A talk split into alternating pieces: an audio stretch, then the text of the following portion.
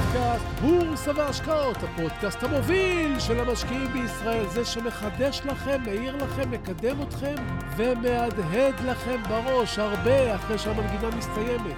הפודקאסט שמעניק לכם כלים להשקעות, לעסקים ולחיים. אז תאכינו מקום במוח, תאכינו מקום בכיס, כי אנחנו מיד מתחילים!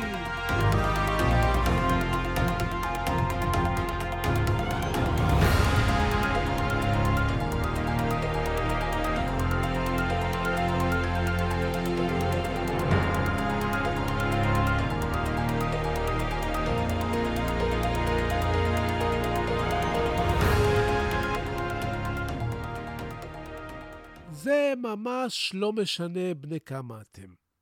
בני 12 או בני 82. אתם חייבים כל הזמן להיות יצירתיים, לחשוב ולהפעיל את המוח, לחתור בתוך תעלות המחשבות שלכם ולגלות ולהמציא ולחיות. אין סוף להמצאות שאפשר להמציא בכל גיל. וזה מה שעושה את החיים לשמחים. זה מה שמביא לאושר ולאושר. ברגע שאתם מבינים את זה, אתם כבר מתחילים לחשוב נכון, אתם כבר מתחילים ליצור את החיים האמיתיים. סידני פרנק, יזם יהודי מהעיירה הקטנה במדינת ניו יורק, כבר עבר את גיל 70 כשהוא התעורר בוקר אחד מוקדם במיוחד עם רעיון חדש. סידני פרנק היה אחד מהאנשים העשירים בארצות הברית וגם תורם ידוע. אחד שידע עסקים ובעיקר ידע לחשוב טוב. אז באותו בוקר מוקדם התעורר בו רעיון מעניין. וודקה. וודקה. בשנות ה-90 בארצות הברית החלו לשתות וודקה. וודקה, כמו שאתם יודעים, הוא לא משקה יוקרה. הוא לא משקה עם איזשהו סקס אפיל מיוחד, אלא משקה אלכוהולי פשוט, לפעמים גס, לעומת משקאות אחרים, שבא לדפוק את הראש בזול. משקה בלי סטייל. דווקא בגלל זה חשב לעצמו סידני פרנק, יש כאן מקום למשהו חדש. וודקה צרפתית. וודקה צרפתית? שאל אותו השותף שלו שעדיין לא התעורר. תגיד לי, סידני, אתה השתגעת? אתה מעיר אותי בחמש בבוקר כדי לדבר איתי על וודקה צרפתית? זה גאוני, אמר סידני. כולם שותים וודקה זולה, אנחנו נייצר וודקה שמגיעה מהמקום הכי יוקרתי של העולם. הכי יוקרתי של עולם הקוניאק בחבל קוניאק בצרפת. סידני ארז מזוודה קטנה וטס לחבל קוניאק הפסטורלי בצרפת. שם הוא הגיע למסקנה, הוא ייצר את הוודקה שלו, ממי מעיין טהורים ומהחיטה הכי טובה של חבל קוניאק. הוא חבר לפרנסואה טיבו, שהיה ידוע כמלך הקוניאק של החבל, אדם מקצועי, מבין עניין ובעל שם ותארים בתחום הקוניאק, והם הכריזו יחד כי הם הולכים להכניס לוודקה הצרפתית החדשה את כל הסודות והאיכויות של הקוניאק, ולייצר את הוודקה הטובה בעולם. לא פחות. סידני פרנק השיק בגיל 75 את הוודקה הצרפתית הראשונה בעולם, גריי גוס. הוא עיצב בקבוק מיוחד שחלקו זכוכית מעט מרוטשת, שיעניק מראה של קרח על מנת לרמוז כיצד יש לצרוך את המשקה, וגם לא שכח להוסיף על הבקבוקים אווזים תוך רמיזה לכבד האווז שהיה מאכל של עשירי העולם ושל אנשי הגורמה בפריז. מה אומר לכם? גריי גוס שיגעה את העולם. במהלך שיווקי מדהים, סידני פרנק הצליח להכניס את הוודקה שלו לכמה תוכניות טלוויזיה נחשקות, ללימוזינות ולמחלקות העסקים של המטוסים בעולם. המשקה הזה, חיטה ומים, כן, נמכר במחיר גבוה משמעותית מכל וודקה רגילה אחרת. וודקה גרייגוס הפכה לשם דבר. ושבע שנים בלבד אחרי אותו בוקר שבו התעורר סידני מוקדם, הוא מכר את המותג גרייגוס ב-2.2 מיליארד דולר לחברת בקרדי. את המותג בלבד, לא מפעל, לא מלאי, לא חיטה, לא מים, שם, רעיון. 2.2 מיליארד דולר. אני לא יודע באיזה שעה קמתם הבוקר, אבל אם אין לכם מחשבה טובה, אז כדאי מאוד שתתעוררו. שלום וברוכים הבאים לפודקאסט חדש של בורסה והשקעות, הפודקאסט המוביל של המשקיעים בישראל, והיום נדבר על כסף ואוצרות, נדבר על השקעות, רעיונות וכמובן עוד דברים מעוררי חשיבה. אז תהיו ממוקדים, תכינו מקום במוח, תכינו מקום בכיס, כי אנחנו מיד ממשיכים.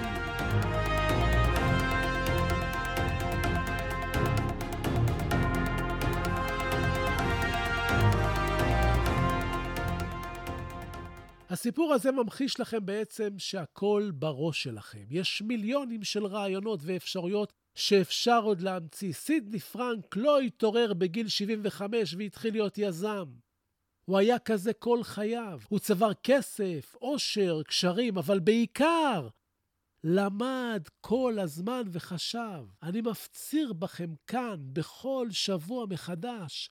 לכו ללמוד, תקראו ספרים, תאספו ידע, תלמדו לחשוב, והדברים יתחילו לצוץ לכם. במוח שלכם יש שכל איכותי, עוצמתי, אבל אתם משתמשים רק בחלק קטן ממנו. המטרה שלי היא לגרות אתכם ולגרום לכם לחשוב בצורה נכונה, לפתוח עיתון ולראות הזדמנויות. בזמן ששאר קוראי העיתונים רואים כתבות. הנה, בימים אלה של קיץ 2021 אתם קוראים כתבות והודעות של מומחים על המצב בשוק. מה יהיה בבורסה? האם צפויה מפולת? האמת, אף אחד לא באמת יודע. כולם מנחשים, אבל מה אתם עושים בינתיים? אני מניח שאתם מחפשים מישהו שישכנע אתכם שהוא יודע ועד אז אולי תמכרו את כל התיק ואולי תקנו אותו עוד פעם, כי המצב לא ברור. פה אני רוצה לחדד לכם נקודה מסוימת. משקיעים רבים חושבים שהכלכלה היא זו שמפילה את השווקים, שנתוני הכלכלה הם אלה שגורמים למפולות או לעליות חדות. זו מחשבה נחמדה, אבל היא לא תמיד נכונה. מי שמעלה או מוריד את השווקים הם לרוב המשקיעים. אנחנו. תביטו על טסלה, חברה נסחרת במכפיל הזוי בשווי שלא קשור בכלל לכלכלה שלה, והיא נסחרת בשווי אדיר רק בגלל המשקיעים. כשמשקיעים מוכנים לשלם הרבה על מניות ששוות פחות, הם אלה שמרימים את השוק. כשמשקיעים מוכנים לשלם עבור חברות מחירים לא כלכליים, הם מרימים את השוק. הסיפורים על העתיד, על הפוטנציאל, על הכסף הקל והמהיר, מביאים משקיעים לקנות ולהעלות את מחיר המניות ואת השווקים. בחיים הרגילים לא הייתם משלמים על עסק ששווה מיליון שקלים עשרות מיליונים או מאות מיליונים בגלל פוטנציאל. אבל בבורסה, כן, השוק יקר, השוק זול, תמיד יימצא מישהו שיאמר משהו שימצא חן בעיניכם, שיתאים לפוזיציה שלכם. הכלכלה נעה כל הזמן, והמשקיעים, הם באים בעדרים. לפני כמה חודשים, כשאמרו שמביאים את טסלה לארץ, הייתה פה התרגשות גדולה. טסלה בישראל, וואו! ואז התחלנו לראות פה ושם איזה טסלה על הכביש. צילמנו, שיתפנו, ראיתי טסלה. והנה היום, כשאנחנו רואים כל יום טסלה, אנחנו כבר לא מפנים מבט. התרגלנו. מה שנראה נדיר לא מזמן, הפך לשגרתי מזמן, כמו מדד הנסדק. לפני שנה, ביולי 2020, המשקיעים הביעו בחשש לחודש נובמבר, לבחירות בארצות הברית. הנסדק עמד על עשרת אלפים נקודות, וכולם התפללו שטראמפ יזכה והשווקים לא ייפלו. הנה, עברה שנה. הנסדק נושק ל-15,000 נקודות. מה קרה? הכלכלה השתפרה? הגירעון ירד? לא. המשקיעים המשיכו לקנות ולהעלות את השוק. בעוד שנה אנחנו יכולים להיפגש פה שוב, והנסדק יכול להיות בעשרת אלפים נקודות או עשרים אלף נקודות, ותמיד נמצא כמה פרופסורים שיסבירו לנו בפנים רציניות מדוע השוק במחיר הזה ומדוע זה המחיר הנכון. ואנחנו התרגלנו מהר לעליות המחירים מהנסדק, שכבר נושק ל-15,000 נקודות, כמו שהתרגלנו לראות מכוניות של טסלה בכל מקום. לפני שנה זה היה נשמע חלום. ומדוע אני מעלה את הנושא הזה? כי לפעמים פשוט צריך להסתכל על דברים בצורה שונה. משקיעים מגיעים לשוק ומחפשים כל הזמן את השיטות, את הטריקים, את התוכנות, את הסורקים. הם חושבים שיש פטנטים מיוחדים להרוויח כסף, אבל הם לא מבינים את הדברים הבסיסיים ומפספסים לא פעם את התמונה האמיתית הגדולה. אם אתם רוצים לראות מה שווה כל השוק, תעשו ניסוי. תאספו אליכם 50 אנשים מסוגים שונים, צעירים, מבוגרים, גברים, נשים. תעמדו ברכוף סואן, ותתחילו פתאום לרוץ לכיוון אחד. תוך כדי קריאות תצעקו, וואו, וואו!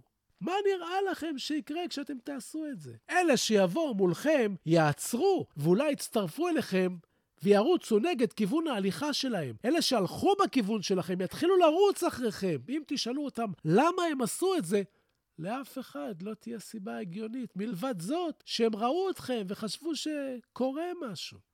זה בדיוק מה שקורה כשהשוק עולה, וזה גם בדיוק מה שקורה כשהשוק יורד. אלה המשקיעים שמצטרפים לתנועה. אם רשת של סופרמרקטים שווה מיליארד דולר, אז היא שווה מיליארד דולר. אם הנסדק יעלה, הרשת תוכל להיות מתומחרת במיליארד וחצי. ואם הנסדק יתרסק, היא תוכל להיות מתומחרת בחצי מיליארד. אבל בפועל, היא תמשיך לעבוד ולמכור ולהיות שווה מיליארד דולר. התנודות במניה שלה זה בגלל שהקהל רץ ברחובות וצועק וואו! ואלה שמצטרפים אליו. אתם מבינים? וואו, כבר נהיה מאוחר. מישהו פה צועק שהגיע הזמן לפינת הטיפים שלנו.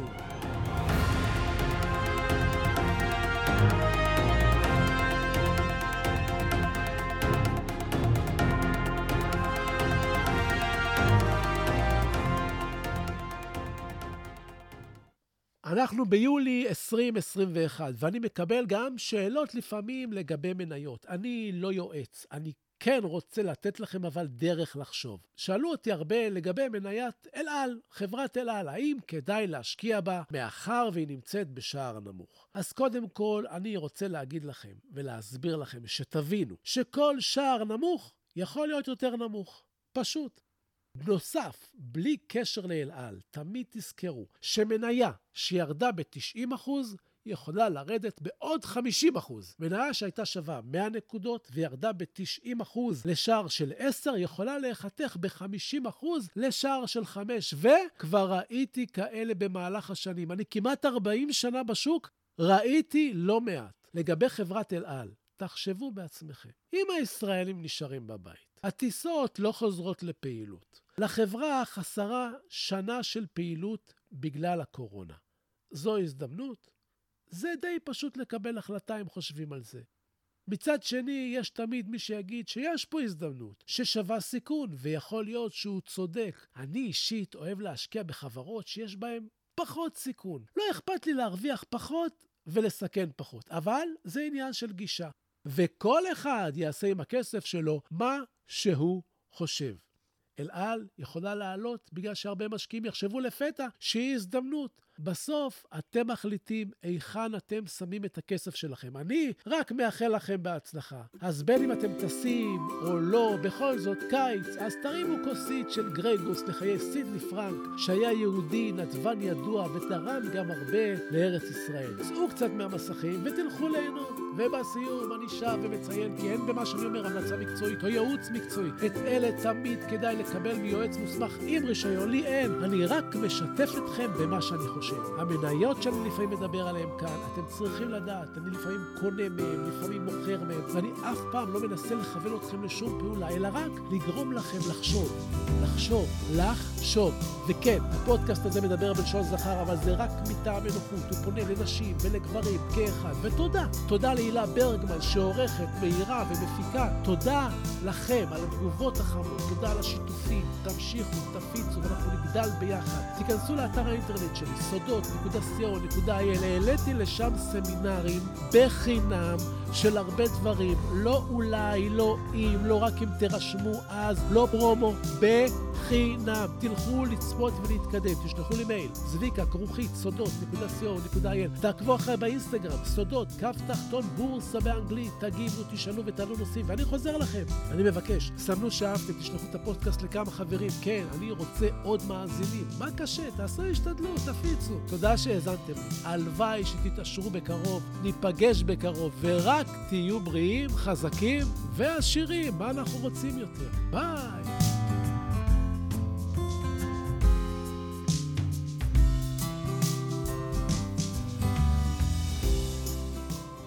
עם רודיארד קיפלינג. אם תוכל לשמור על שקט וקור רוח, עת מסביב לך שוררת מבוכה. אם בין מפקפקים תוסיף להיות בטוח, אבל גם לספק תדע לתת לבך.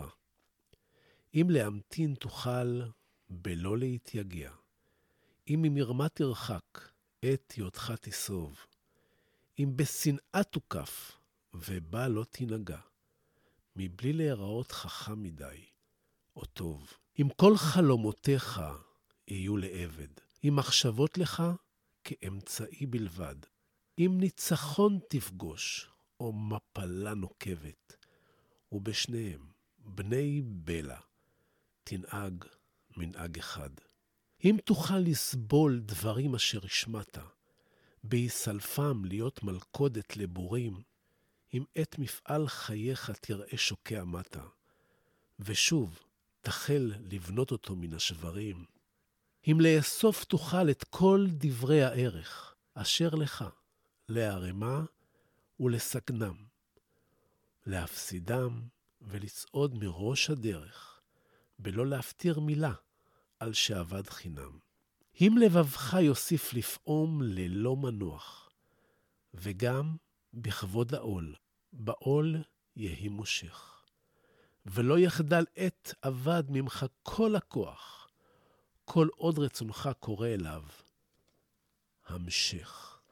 אם בין המונים תחזיק במידותיך, ובחצר מלכות תדע לנהוג פשטות. אם לא יאכלו לך אויביך או רעיך, אם כל אדם תוקיר כיאה וכיאות. אם למלא תוכל כל דקה לא נסלחת, בשווי ריצה למרחק של שישים שניות. לך, לך תהיה הארץ וכל אשר עליה.